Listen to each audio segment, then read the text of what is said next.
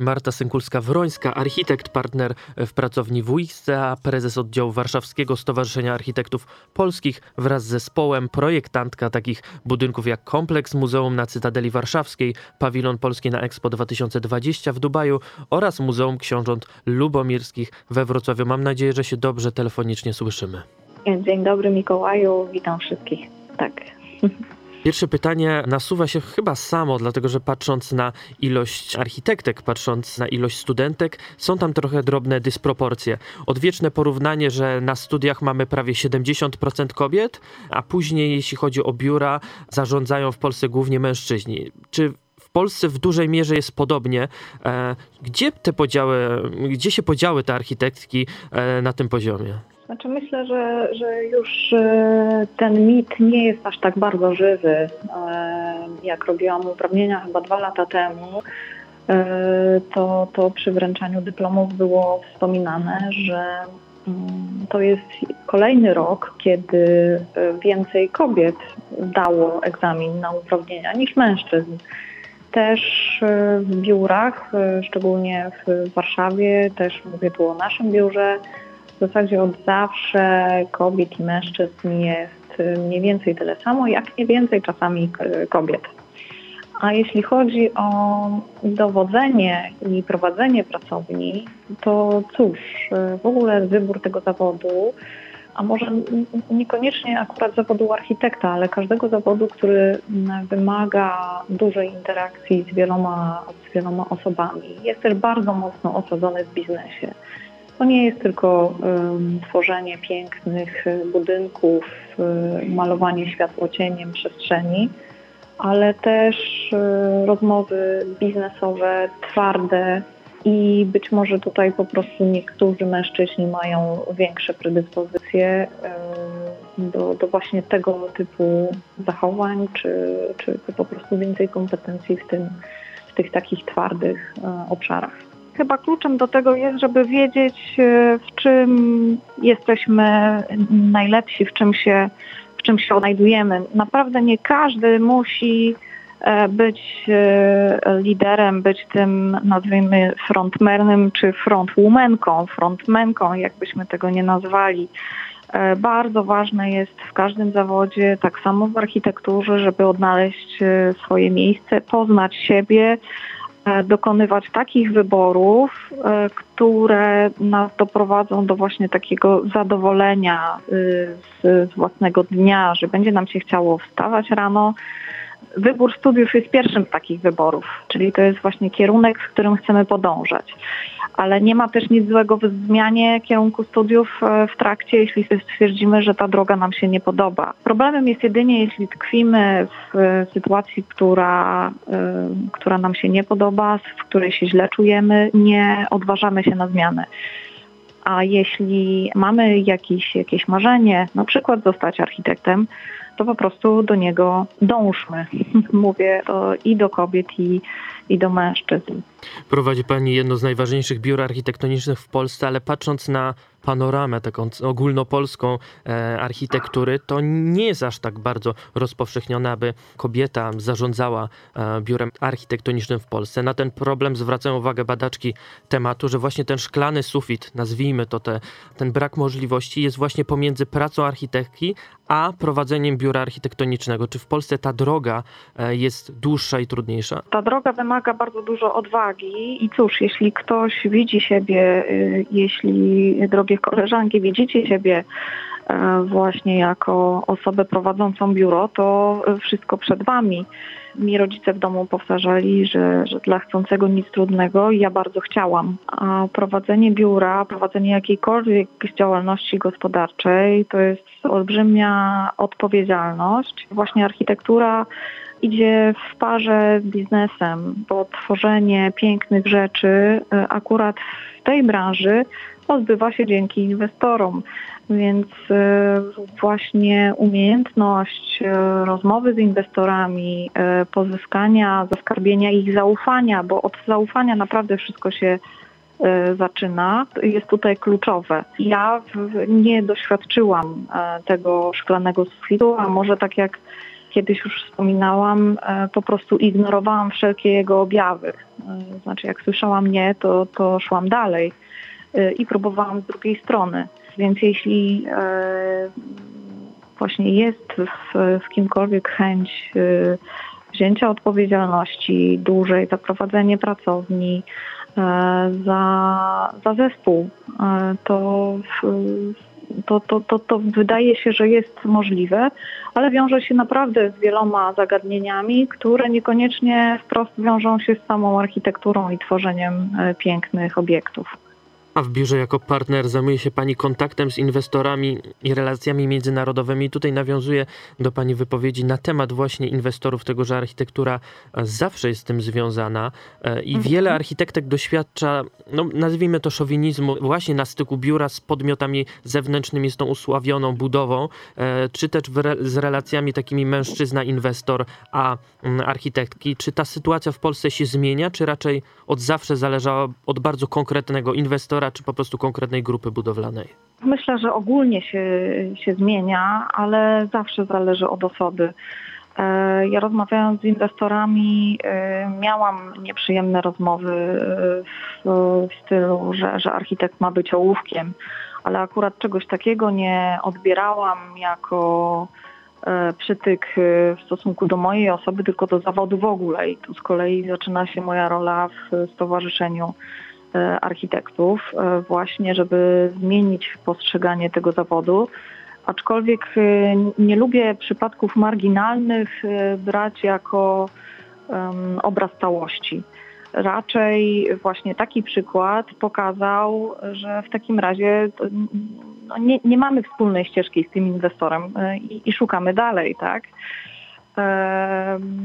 Jeśli chodzi o moje wizyty na budowie, to, to na samym początku, jak, jak byłam e, początkującym architektem, e, rzeczywiście bardzo mi się przyglądano, e, i, ale też miałam chyba takie, takie doświadczenie, że, że wystarczyło, żebym zaczęła mówić i po prostu pokazała swoje kompetencje i, i później już ten, nazwijmy to, respekt na budowie był. Wręcz mam takie doświadczenie, że jak pojawiałam się, się na budowie, to, to milkły wszystkie przekleństwa e, i, i, i zobaczymy, co pani Marta powie, tak? Raczej staram się w ten sposób podchodzić, szczególnie na budowie e, i, i myślę, że mm, we wszystkich sytuacjach życiowych, czy w urzędzie, że stawiam się na pozycji partnera do mojego rozmówcy. Przychodzę na burdowę i witam się z majstrem. Witam się z panami e, murarzami. E, zwykły dzień dobry czasami otwiera, e, otwiera pole do rozmowy, pokazuje szacunek do drugiej osoby, która naprawdę jest po, podstawą. Tak samo w, w urzędzie czy w rozmowie z inwestorem. E, stawiam się sama na, w punkcie wyjścia jako partner, a nie petent. I to jest y, chyba kluczem do sukcesu. Czasami to nie są łatwe rozmowy i, i, sukces, tak jak się słyszy, leży poza strefą komfortu, ale moim zdaniem on tak samo leży poza strefą komfortu kobiet, jak i mężczyzn. Często i mężczyźni muszą zrobić coś, co niekoniecznie leży w ich naturze, w ich charakterze po prostu. Powiedziała Pani o tym respekcie i chciałabym zapytać właśnie o te relacje w miejscu pracy. Czy na przełomie lat Pani doświadczenia zmieniło się to podejście do równouprawnienia w architekturze? Czy było to odczuwalne dla Pani? Ja wybrałam dosyć indywidualną drogę e, pracy, bo e, po, po krótkich praktykach w innych biurach gdzie podobało mi się podejście, że, że mimo, że byłam praktykantką, e, moje zdanie projektowe się liczyło, i naprawdę nie wyczułam nigdy, żeby, żeby było inaczej traktowane niż kolegów na przykład w moim wieku. To właśnie tak chciałam zbudować najpierw swoją pracownię jako platformę e, twórców, a później e, wraz z moim obecnym mężem właśnie budujemy WXCA, że jest to miejsce, gdzie, gdzie każdy może się wypowiedzieć i, i tutaj płeć jest totalnie wtórną e, sprawą. E, wtórnym jest też również, czy właśnie jest to osoba, która jest u nas na praktykach, czy ma wieloletnie doświadczenie. Bo w budowaniu zespołu wierzymy właśnie w tą różnorodność, e, w różnorodność charakterów, umiejętności, kompetencji. słyszę, że takie opinie, że, że być może to jest moja opinia kobiety, której się udało.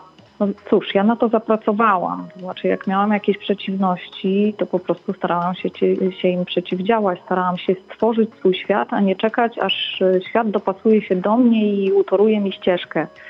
E, raczej e, to, to właśnie ja byłam tym kreatorem tego świata, jaki chciałabym go widzieć. I jeśli komuś właśnie jest, e, to co wspomniałam na początku, niewygodnie, nie pasuje sytuacja obecna, to trzeba ją po prostu zmienić. I ja wiele takich zmian również przechodziłam. Czy warto podkreślać, to projekt kobiety, to biuro architektoniczne w celu umocnienia roli kobiet w architekturze na wysokich stanowiskach. Czy takie działania pomagają, czy trochę tak alienują e, te kobiety w architekturze? Jedna z e, francuskich architektów powiedziała, to jest gra słów oczywiście e, po francusku, czego nie, nie powtórzę, ale że nie jest kobietą architektem, jest architektem. I naprawdę, jak patrzymy na budynek, to nie widać, kto go zaprojektował, czy kobieta, czy mężczyzna. On jest albo dobry, albo zły. W gruncie rzeczy do tego to się sprowadza. Przez bardzo wiele mediów jest, jest podejmowany ten temat właśnie kobiet w architekturze, czy to jest męski zawód, czy jednak właśnie kobiety są w, mają w nim swoje miejsce. I wydaje mi się, że w XXI wieku raczej ta debata powinna dotyczyć lepszej i gorszej architektury i sposobu projektowania niż, niż płci twórcy. W moim zespole uzupełniamy się kompetencjami. Wiemy, gdzie, która osoba ma jaki zmysł e, właśnie, czy piękna, czy, czy smykałkę do odpowiednich programów, e, czy właśnie ma tak zwaną chemię z inwestorem.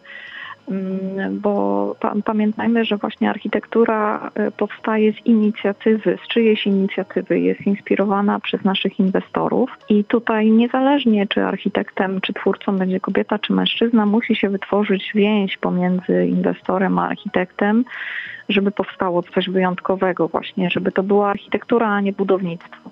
No właśnie, takie odwieczne zagadnienie, które jest używane trochę jako broń przeciw architektkom już od XIX wieku, czyli takie predyspozycje projektowe konkretnej płci, że kobiety są predestynowane do pewnych zadań architektonicznych, a mężczyźni do innych. Ja mam pytanie, trochę odwołując się do Pani doświadczenia w zarządzaniu biurem architektonicznym. Może to jest, no od razu się zabezpieczę, może to jest kontrowersyjne pytanie, ale czy jest różnica w podejściu do przestrzeni architektury między architektami a architektkami? Czy to jest całkowicie indywidualna predyspozycja? Bo pamiętam jeszcze na początku XX wieku, gdy mm, Zaha Hadid dostała nagrodę Pritzkera, bardzo dużo komentatorów niestety pokazywało, że ta architektura bywa albo nie męska, albo nie kobieca, więc to nie tylko XIX wiek, ale wydaje się, jakbyśmy nadal trochę w tym jeszcze tkwili. Cóż, ja, ja, ja współczuję osobom, które nie dostrzegają właśnie walorów różnorodności osób. Zespół, jak jest różnorodny, jest, jest najsilniejszy, bo naprawdę w tym tkwi siła.